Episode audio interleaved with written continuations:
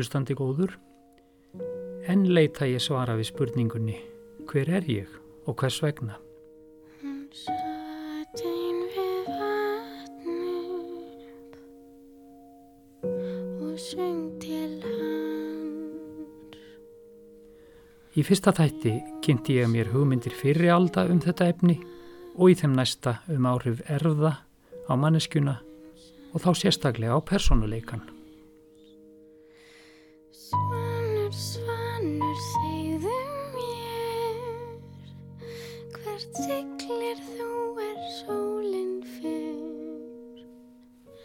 Nú beini ég sjónum eða öllu heldur hlustum að umfjöllun um áhrif umhverfisins á einstaklingin.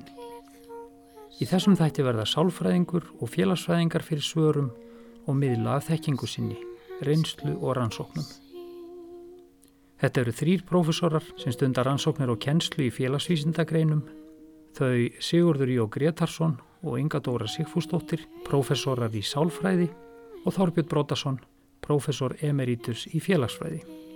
Fyrstur að hljóðnefnanum er Sigurður Jóð Gretarsson. Hann nam sálfræði við Háskóla Íslands og lauk síðan doktorsprófi frá Ríkisháskólanum í Júta í Bandaríkjónum. Hann er prófessor við sálfræðidilt Háskóla Íslands og hefur samhliða kennslu, stundað marskonar rannsóknir og byrt vísindi greinar meðal annars á sviði þroskasálfræði.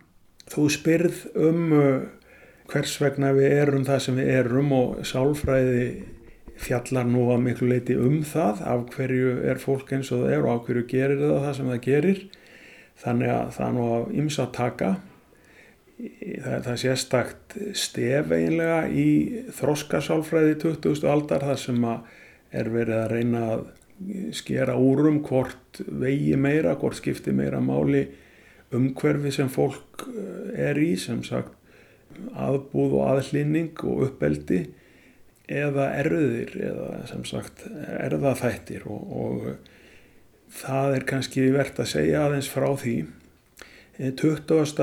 öldin hún var að mörgu leiti öld umhverfishyggju í sálfræði og skildum greinum þar sem að eh, fræðimenn og fræðin og kannski samfélagi gerði sér betur grein fyrir því hvað umhverfi hafði mikil áhrif á það sem fólk gerir eh, á, umhver, á hérna, hegðum þess og, og þroska og umhverfishyggja í þessum þessum skilningi þýðir auðvitað ekki það sem, sem umhverfis er vernd og, og það, það, þá hyggju alla heldur þessa hugmynd að, að mótun okkar ráðist af mjög af umhverfinu sem við búum í. Þetta er auðvitað ekki frumleg hugmynd eða ný hugmynd, hún hefur alltaf verið til en eh, rannsóknir í sálfræði á sálarlífi og hegðun bindust mjög af þessum áhrifum á 20. öld af ýmsum ástæðum.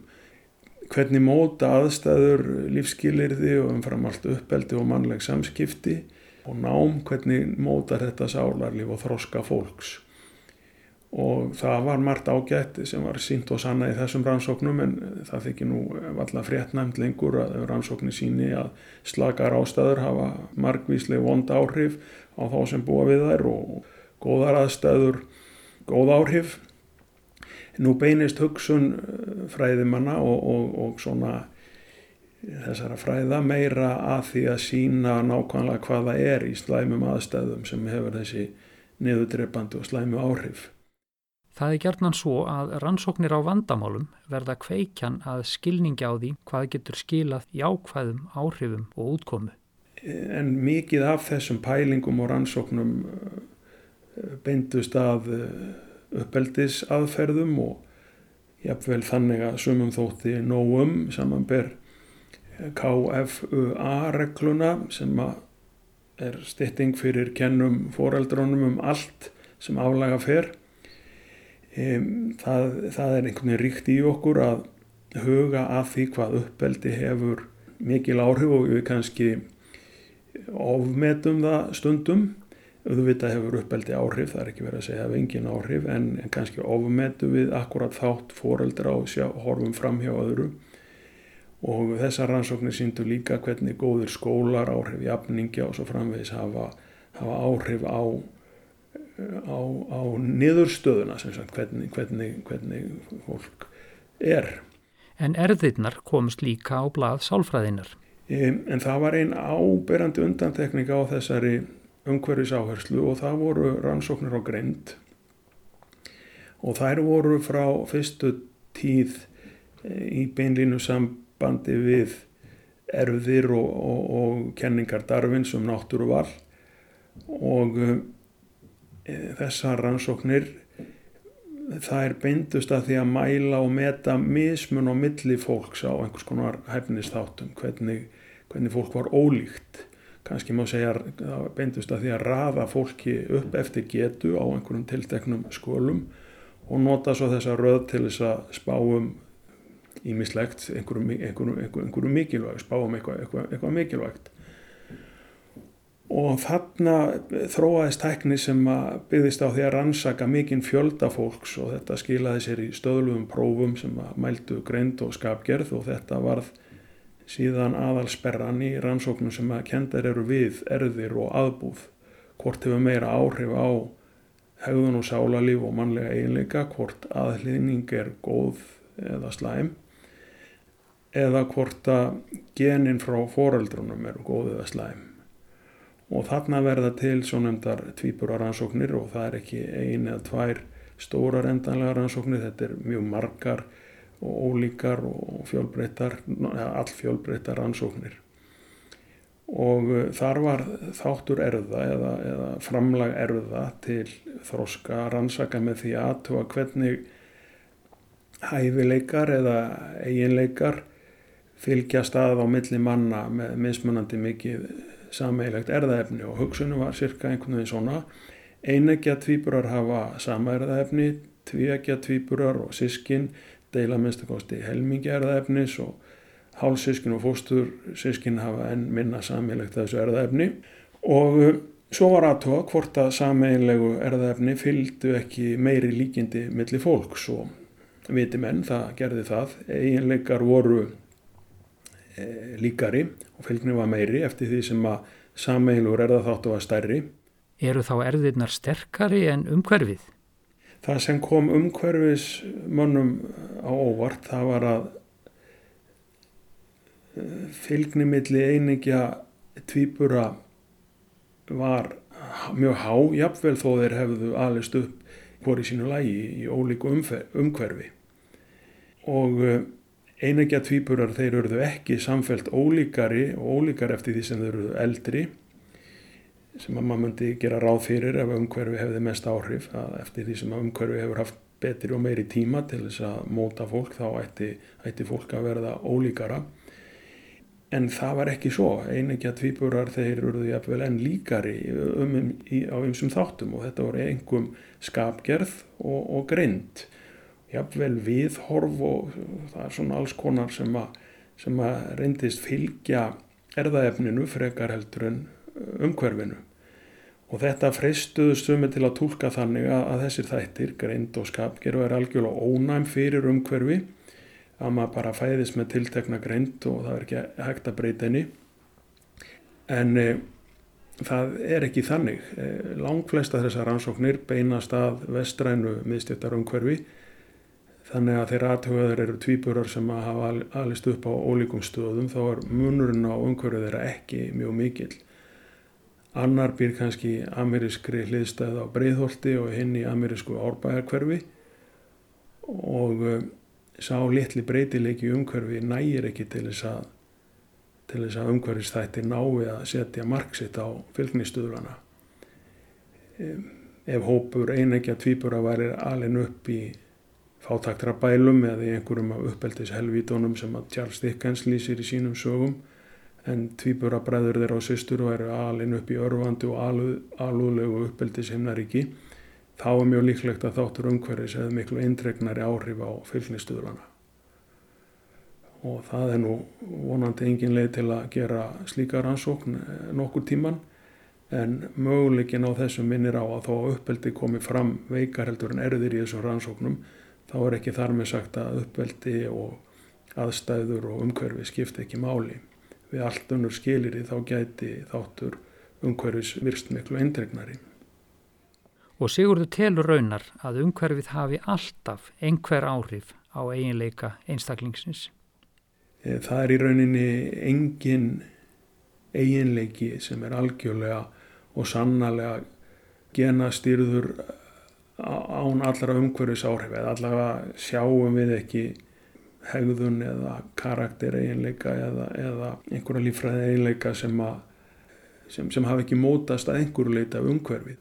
Það er aðtækksverð til dæmis að fólk er háaksnara núna þó að við kannski lærðum í gamla daga að gen stýrðu algjörlega vexti og, og, og hæð þá verðist sem betri lífskilirði hafi greinlega áhrif á, á hæð fólk verður fyrir kynþróska núna heldur en fyrir 100 árum og það eru fleiri svona tilneyingar eða, eða breytingar sem að verða hægt og hægt sjást á laungum tíma þar sem að áumhverjus áhrif er að koma fram mjög hægt og hægt. En stundum virðist sumt fólk hafa fengið alveg sérstaka gjöf af náttúrunar hálfu þar sem umhverfið hafi lítið eða ekkert komið við sögu.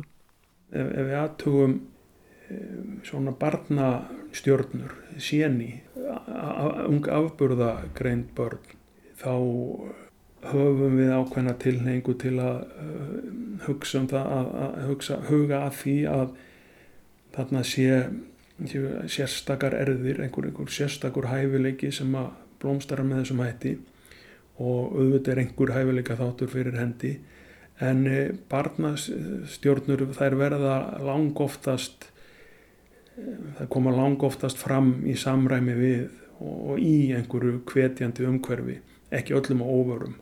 Mozart eh, bjóð við mjög ég var að segja mikinn stuðning Tiger Woods bjóð við mjög mikinn stuðning og hvert séni á fætur öðru þeir eru spurðir hvernig óskopunum hvar færðu hugmyndina hvernig ferðu að þessu þá segja jafn ólíki menn og Jóhann Sebastian Bach, Hardur Lagsnes og William James að eh, vinna og einbeiting skipti gífurlega miklu máli.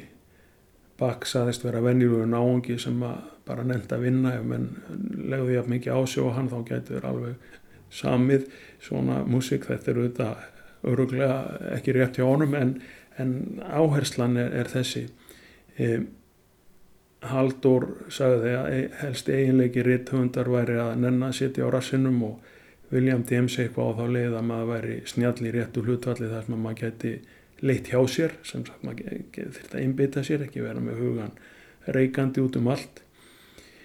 Og sama að segja eða sögðu Kobe Bryant og uh, Michael Jordan þeir æfðu þessi meira heldur en hinnir með þessu er ekki verið að segja að erðir skipti engum áli en uh, umhverfi og þjálfun eru það sem að innkennir þess að afburðamenn.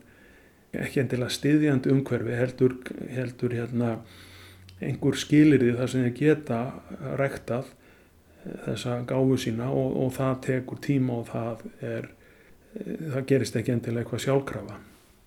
Umhverfi og æfing og einbytting og aðhald eru líkilatrið í snilligáfu En segir þetta okkur þá ekki að það sé einfalt að gera hvert sem er að mistara eða stefna lífi annars í ógöngur?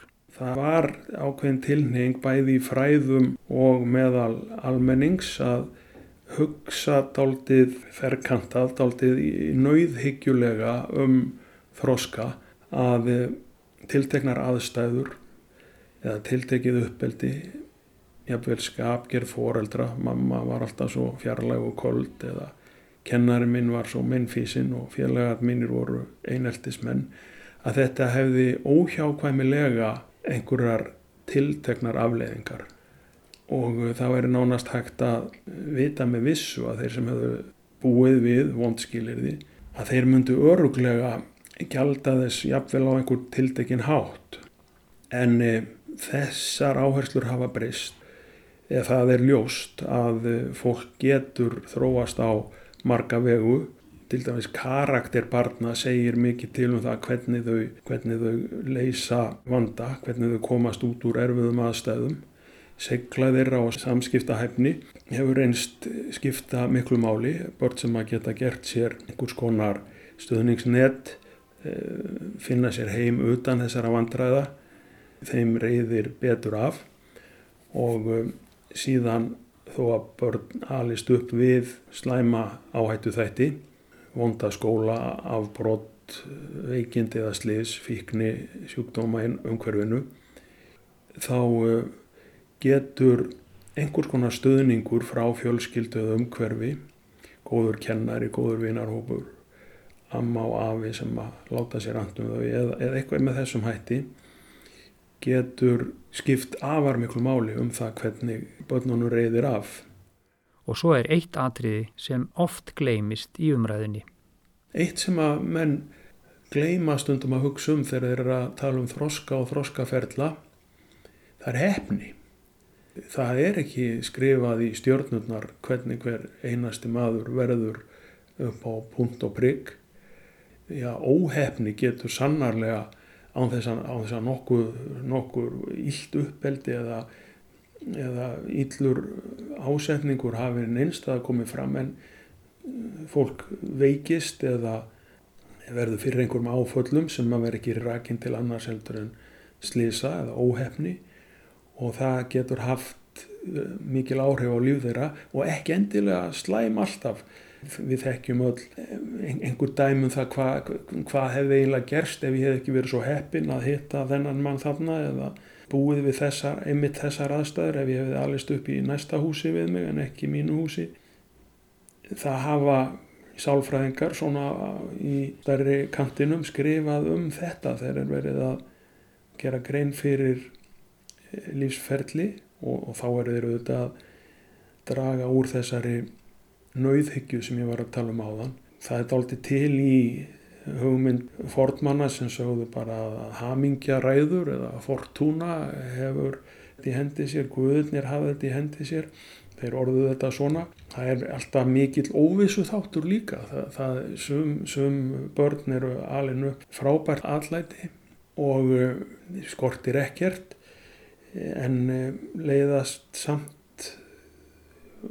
á einhverjar villigötur og við getum sagt fyrir einhverja óhefni, einhverja skrampans óhefni. Síðan eru önnubötn eins og ég var að lýsa á það sem geta búið við marg áhættu þætti sem að reyðin miklu betur af.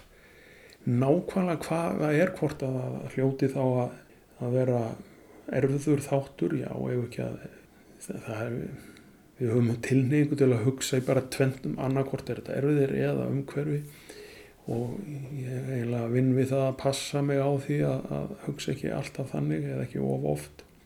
Eða hugsa ekki oftar þannig en nöðsynlegt er. Já já, við skulum, við skulum segja það að eh, erðir geta örgulega skipt máli í þessu tilliti.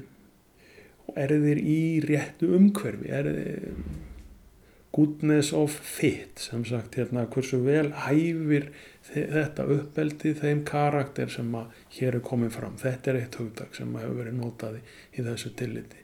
Tveir menn hafa sömu hæfileikana til að verða skákmenn annar býr við örfandi umhverfi og hinn ekki.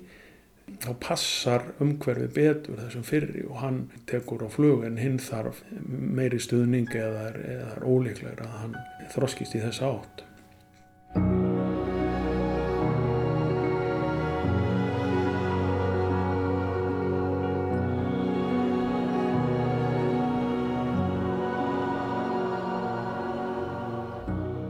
Samtalenu við Sigurð Jóð Gretarsson, profesor í sálfræði, er lokið. Næsti viðmælendi er einnig profesor í sálfræðideild en við annan háskóla, háskólan í Reykjavík. Inga Dóra Sigfúsdóttir er reyndar félagsfræðingur að menn, stundaði nám í félagsvísindagreinum við Háskóla Íslands og lög doktorsprófi í félagsfræði frá Pennsylvania State Háskólanum í Bandaríkjónum. Hún stopnaði árið 1999 fyrirtæki sem heitir Rannsóknir og Greining og sérhæfi sér rannsóknum og greiningu á högum og líðan ungs fólks bæði á Íslandi og Erlendis.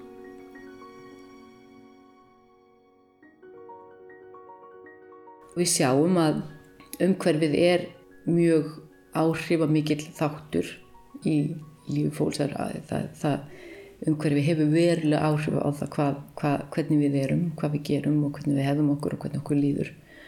Rannsóknarnar hafa snúist að sagt, börnum og úlingum og við höfum ekki síst verið að skoða svona eh, samspil ólíkra stopnana í, í umhverfinu eins og foreldranna, skólans, tómstundastarfsins, jafningihópsins, hvernig þessir þættir spinnast saman og þar með hafa áhrif á úlingana. Ég er náttúrulega, sko, hef óskaplega gaman að því að tala um umhverfið og ég ger stundum grína því að, að sem félagsfræðingur að þá, svona, þá hefur fókusin dáltið á sko, umhverfið sem áhrifavald í lífi fólks. Og ég held fyrirlæst núna um miðan november í Díkót það sem var verið að fjalla sérstaklega um ADHD og þar var ég að fjalla um sem sagt það hvernig með því að hafa áhrif á umhverfið hefur Íslandingum tekist að draga mjög verulega úr výmöfnislu áfengis og výmöfnislu með rúmsfólks og þetta er alveg ótrúlegur árangur sem að hefur náðst bara með, með samstarfi einlega sko allar þjóðarinnar þetta er orðið svo samtvinnað sko hugsun okkar að, að við tökum ekkert endilega eftir því við sem að vinna eftir þessu mótili en svo eru aðra þjóður að koma til okkar og fá að, að skoða hvernig Íslendingar hafa náð þessum árangri. Við höfum í þessu forröðna mótili unni með þessa áhrifathætti í umhverfinu til að mynda tíma með foreldrum, stuðningi foreldra og eftirlit foreldra sem að skipta verlu um máli, hvort að krakkarnir hafa, hafa tök á að vera í skipulögu íþrótt og tómstundastarfi, þetta er allt saman mjög verndandi þættir og draga og líkum á výmöfnuneslu það að eiga vini sem neyta vímöfna er mjög sterkur áhættu þáttur og hérna þess vegna höfum við lagt upp úr því að, að fóreldrar eigi að þekkja vinibatana sinna og hérna vita með hverjum eh, krakkarnir eru eftirlýslaus parti eru mjög óæskilu og það að hanga saman um, þannig að allt starf, skipulagt starf í íþróttum eða tómstundum er, er að hennu góða þannig að með þetta hefur hafa Íslandingar unnið og ná þessum miklu miklu árangri. Góður árangur er vissulega gleðiefni en þó er ekki undað fagna fullnaðar sigri. Við missum alltaf samt sem áður, hlutahópsins og við vitum í dag að heimurinn er breyttur þar erfiðar að vera úlingur í umhverfi dagsins í dag heldur en það er fyrir 20 árum, 30 árum af því að markaðurinn er svo hann er svo einbeittur og hann er svo fókuseraður og, og, og það er svo mikil peningur fólkin í því að fá úlinga til að neyta výmöfna. Þannig að það er svo margir sem græða á því. Þannig að það er herjað á þessar krakkar sem eru standa einhverjum einhver hlutavegna veikar fyrir. Og nýjasta rannsóknun okkar sem er kollið live course að við erum að skoða einn árgang úlinga sem eru fættir árið 2004 og við fylgjum honum eftir yfir tíma frá því hann áður en hann fæðist með því að, að nýta gögn sem að Ísland er svo hérna, er svo heppið eiga sem Íslandingar er svo heppnir eiga við eigum svo góðar upplýsingar. Þannig að við erum sem sagt núna á loka stígum gagnasöfninar í þessi, þessari rannsókn og hún miðar því að, að skilja betur nokkur við tekist áður hvernig líffræðin og umhverfið spila saman í að hafa áhrif á, á þætti í lífi únsfólks. Við höfum sérstaklega verið að skoða áhrif á þætti výmöfnineyslu og á grunni þessari rannsóknar hefur verið þróað ákveðið svona forvarna mótel sem að miðar að því að styðja við þessa verndandi þætti í umhverfinu og draga úr áhættu þáttunum. Og þetta mótel sem hefur verið notað hér á Íslandi með góðum árangri yfir 20 ár það er núna sagt, verið að nýta það allstaðar um allan heim í Európu, Suður og Norður Ameríku, Ástralíu þannig að allt hefur þetta gengið út á að skilja einstaklingin í, í umhverfið sínu og hvernig, hvernig hægt er að hafa áhrif á umhverfið bæta umhverfið til þess að búa til heilbriða einstaklingar sem að hafa eiga kost á því að lifa góðu lífi Koma erðirnar eitthvað við sögu? Varpa þær ljósi á andan? En þráttur er að við höfum náð svona miklum árangri í forröðnastarfi að þá missum við alltaf á hverju ári ákveðin hlutahópsins í výmöfnislu. Og það er ekki síst það sem að til dæmis þessi nýja rannsókn okkar er að reyna að skilja hvað skýrir það að þrátt fyrir þetta mikla og góða starf þá tekst okkur ekki að ná til allra og við vitum auðvitað að, að þar eru erðirnar ákveðin þáttur og skipta verulegu máli. Þessar rannsóknar hafa verið gerðar meðal íslenskra úlinga í yfir 20 ár en þær hafa auðvitað líka á sama tíma sínt okkur og við vitum auðvitað að, að umhverfið og erðirnar og umhverfið og þessi lífræðilegu þættir þeir eru, þetta er flóki samspil og það er oft talað um það núna við séum komin svona umfram þessa hugmyndu um umhverfi eða erðir. Við vitum núna að þetta er einfallega bara alveg óskaplega flóki samspil. Líf unglingana er ekki alltaf dans á rósum. Getur álægið eða bein áföll leitt unglingana á vit vímuefnana? Áföll og álag hefur vissulega áhrif og við sjáum að krakkar sem að, að við höfum verið að skoða sérstaklega sem eiga ekki góð fyrstu, ekki góða fyrstu mánuði lífs. Þau standa höllum fæti en það eru margir aðri þættir sem að vega þarna upp á móti og, og sérstaklega sko það hversu svona stiðjandi umhverfið er sem að þú býrði í. Þannig að það að verða fyrir áföllum þarf ekkit endilega að vera þýða það að þú sér bara komin út af, af spórinu heldur geta áfalli í ákveðin tilvíkum styrt fólk og, og, og gert að, að sterkar einstaklingum. En þarna, þarna skiptir verlu máli hvernig er umhverfið þitt og þess vegna höfum við lagt svo mikla áherslu á hvort sem að ekkit okkar getur valið fóreldra fæst börn geta valið hvar þau búa. En það er þó þannig að sko um allan heim eru börn nákvæmlega eins og, og foreldrar eru eins alla jafna viljum við það besta fyrir börnin okkar. Þannig að við hefum lagt áherslu á að við byggjum nærandi samfélög fyrir börn. Fáum alla að borðinu ekki bara foreldrar vegna þess að þeir eru ofta alveg ofslulega bróðaður um, heldur alla þá í samfélaginu sem að hafa áhuga á því og, og brenna fyrir að gera lífi betra fyrir næstu kynnslóð. Með því að búa til góð samfélög þá til að mynda þá eru, þá eru áhrif áfalla og álags mun minna ef þú býr við aðstæður sem, að, sem eru nærandi og, og styðjandi. En ef við áttum okkur á erfðum eiginleikum, getum við þá gripið til markvisra aðgerða til að skapa umhverfi sem hæfir þessum erfða eiginleikum? Þetta er skemmtilega flókið samspil sem við erum svo sannarlega bara rétt farin að skilja. Við erum alveg langt í land.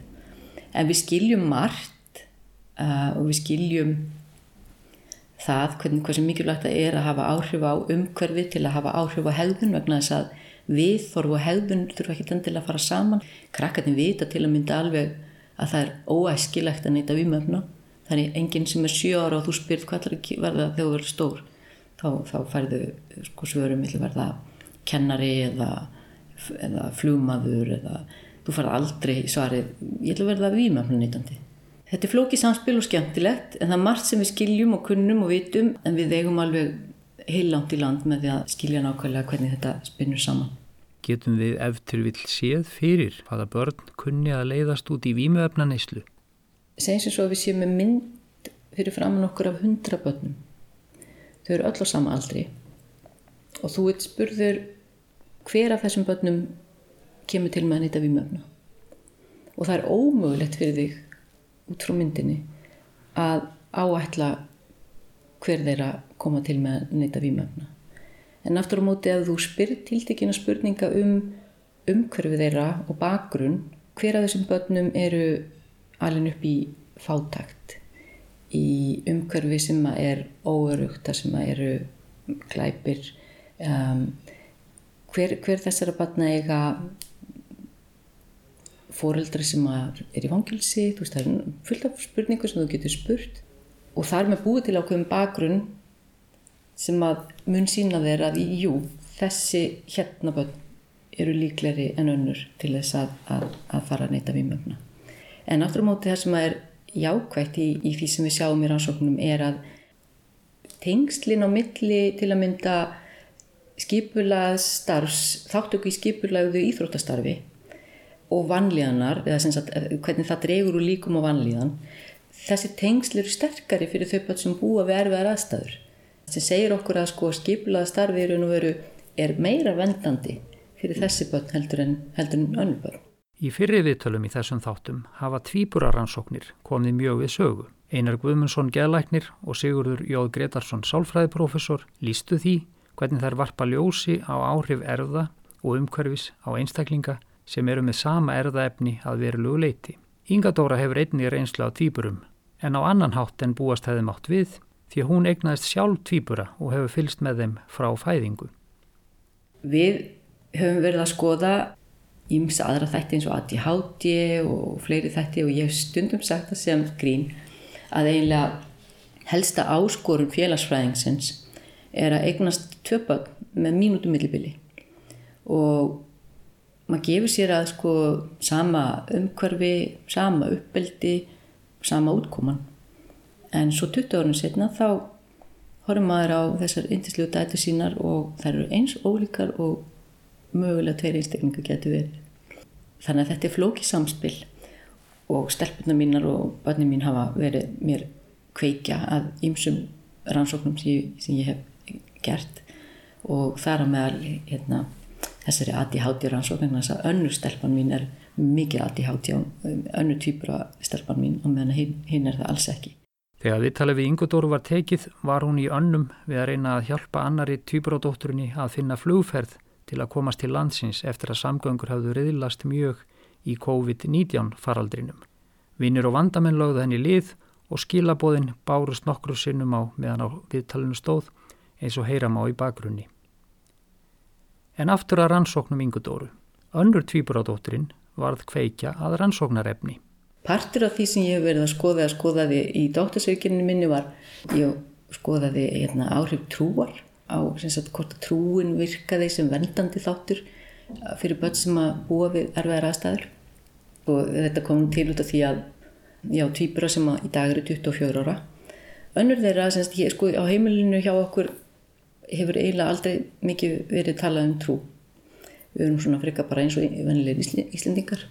Við hérna, mætum í kirkju á aðfangtaskvöld og hérna, en svo fæðast þessar litlu stelpur og önnur þeirra frá, sko, frá því hún byrjar að geta tjáð sig, kemur ljósa að hún er svona afskaplega trúð. Hún þurfti alltaf að draga gardjununa frá á kvöldin til þess að ná beinu sambandi við, við Guð. Og hún var algjörlega samfærið um að hún hefði verið sendt til þess að gera heiminn betri. Og þetta kveikti áhóminn á að skoða sérstaklega áhrif það sem er kallað perceived support from God þannig að það munur á milli þess hvort að þú sko trúur því að þú getur fengið stuðning og þess hvort þú raunverulega fáið stuðning þess það er sko það er betra að þú trúur því að þú sért umkringt og góðu heldur en að vera næsilega sko, sko þessi, þessi raunverulegi stuðningur er einlega sko hann er, hann er ekki, hann er sko, hinn stuðningurinn það að trúa því er, er meira við því.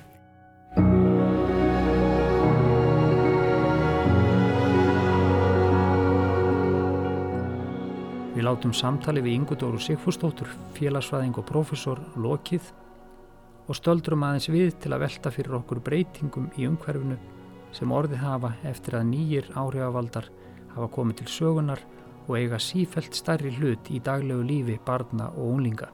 Það eru samfélagsmiðlar og allskynns samskiptaforrið sem börn og ungmenni nálgast gjarnan í farsýmum sem þau bera með sér öllum stundum.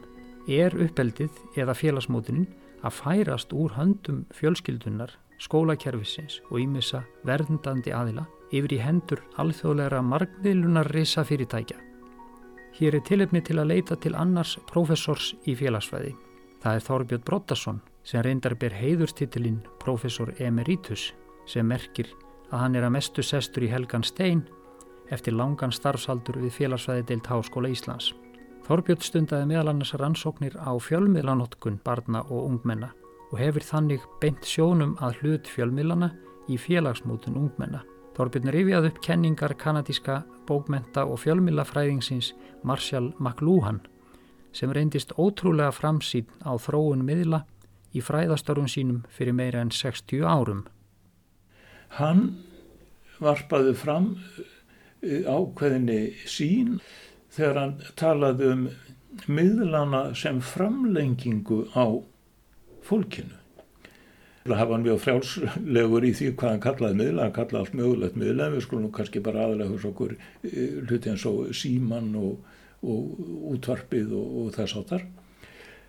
Þetta kallaði hann framlengingar mannsins, að við vorum, vorum sannsagt að ná lánt út fyrir það sem fólk á fyriraldu hatt gert með þessum tækjum og ég, mér á, á, núna á síðust árum ég ofta orðið hugsað til um Össars Maklúans, hann dónu fyrir 40 árum næstum að ef hann e, hefði fengið að upplifa sko tölvubildingunum sem hann í rauninu sá fyrir og ég tala nú ekki um ef hann hefði fengið að upplifa þessa sjón að næstum við hver einasti einstaklingur gengur um með það sem er kallað snjálfsými sem er rauninu bara tækið til þess að ná út í allan heim bæði til að sækja fróðleik og til þess að miðla fróðleik eða, eða, eða hugmyndum að, að þá hefði hann sko heldur betur talið hafa sannast þessa hugmynd sína um framlengingur vegna þess að við sjáum að það er framlengingin orðinbóstala sínileg snjálfsímin er, er bara orðin hluti af e, nánast personinu sjálfur og nánast orðin líkamlegur þáttur í okkur það, vegna þess að, að við, við göngum meðan við erum rínandi í hann sendandi skilabóð, takandi við skilabóðum lesandi fréttir leikandi leiki og svo framvis og skiljum hann ekki við okkur. Þannig að, að ef nokkur tæki hér verðskuldar það, það, það heit að vera framlenging mannsins þá er það snjálfsýmin eins og hann lítur út núna. Stöldrum aðeins við. Er spurning þáttaraðarinnar eða til vil rangt orðuð, hefðu hún átt að ná yfir þessa framlengingu á okkur sjálfum. Þá hefðu hún hljóðað einhvern veginn á þessa leið. Hver er ég og ef svo er, hver margir? Og um þessa endurbættu spurningu ætla ég að segja ímislegt hér á ettir, en fyrst skulum við hverfa aftur að samtalinu við Þorbjörn Brotarsson og spyrjum hann um áhrifin af snjálfsímanum framlengingunni á okkur sjálfum.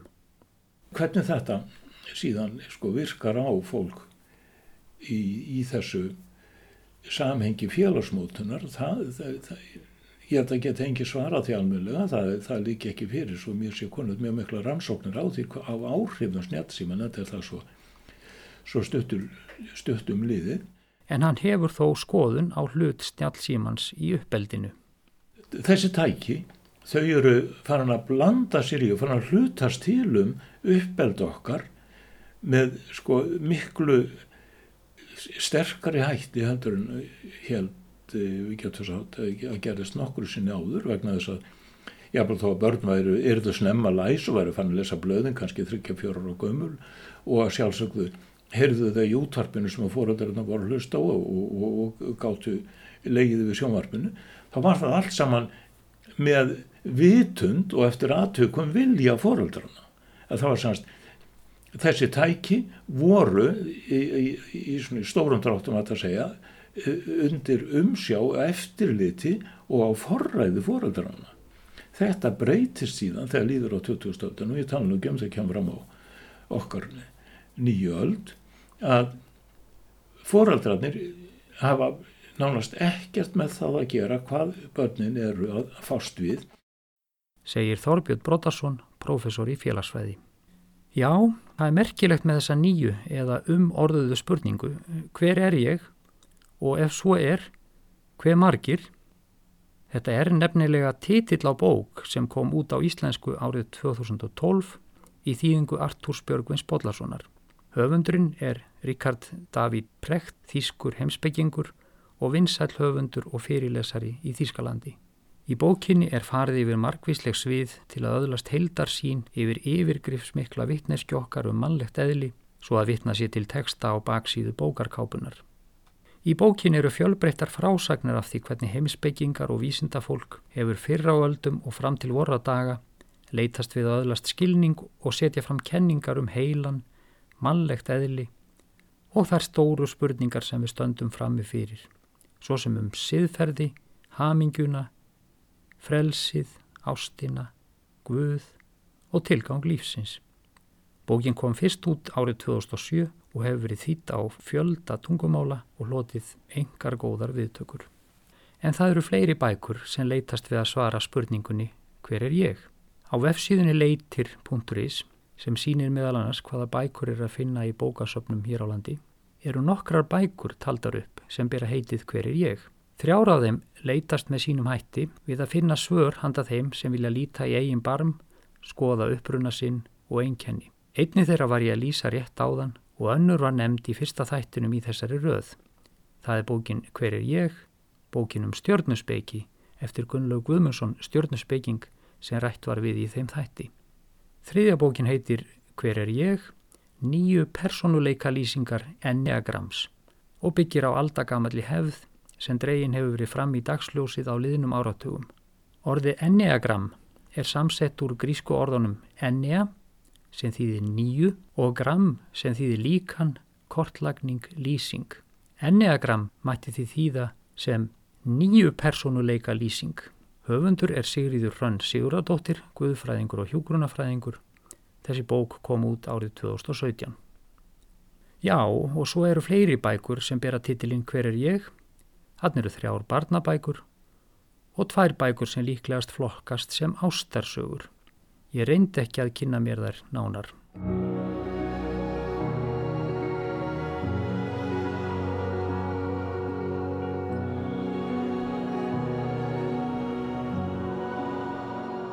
En nú er komin tími til að meta hvort spurningu þáttan að þryggja hafi verið svarað með ótvíraðum hætti.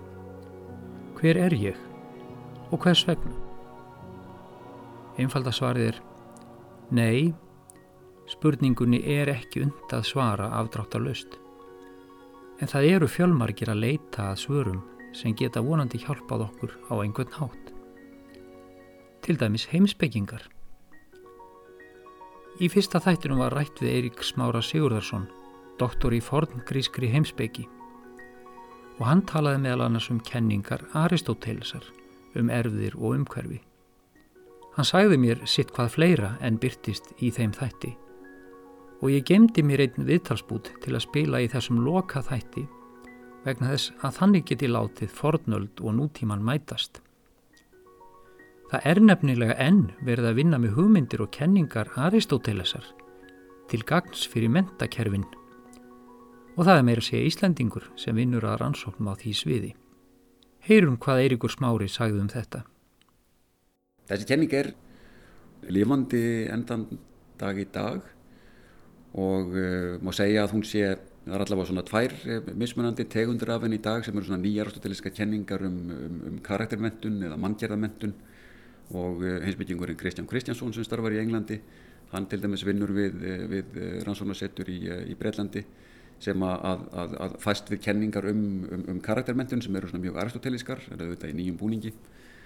Svo maður segja að e, e, kenning sem er nokkuð vel þekkt í dag og er, er, er kend við indverska hagfræðingin Amartya Sen og, og, og heimsbyggingin e, Mörtu Núsbám um, e, sem er kvölluð e, getu viðmiða kenning eða capability approach e, að hún gengur líka út, út á sveipaða hugmynd að, að við þurfum að þroska og þróa þá möguleika og þá getu sem að, að, að búa í fólki. Þannig þessu er engin, það er ekkert, einlít svar við spurningunum um, um, um erðir og umhverfi. Eh, erðarþátturinn er mjög sterkur og mjög ríkur í þessari kenningu en umhverfistátturinn er líka mjög, eh, mjög afgerandi. En hann er þarna til þess að draga fram það sem hann liggur í eh, eðlinu og kemur fram í, í erðunum.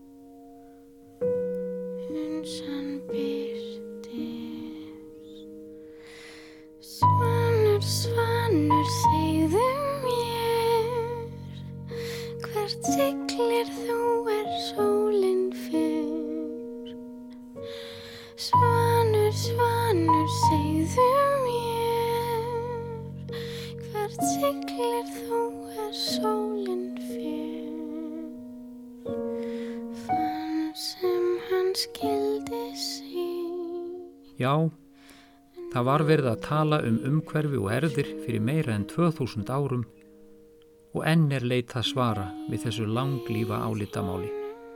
En nú er komin tími til að meta hvort spurningu þáttan að þryggja hefur verið svarað með ótvíraðan hætti. Hver er ég? Og hvers vegna?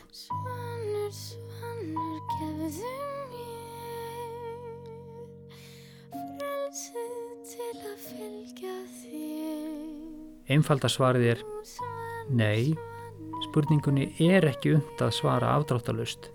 En það eru fjölmargir að leita að svörum sem geta vonandi hjálpað okkur á einhvern hátt. Ráða erðirnar mestu eða er það umhverfið?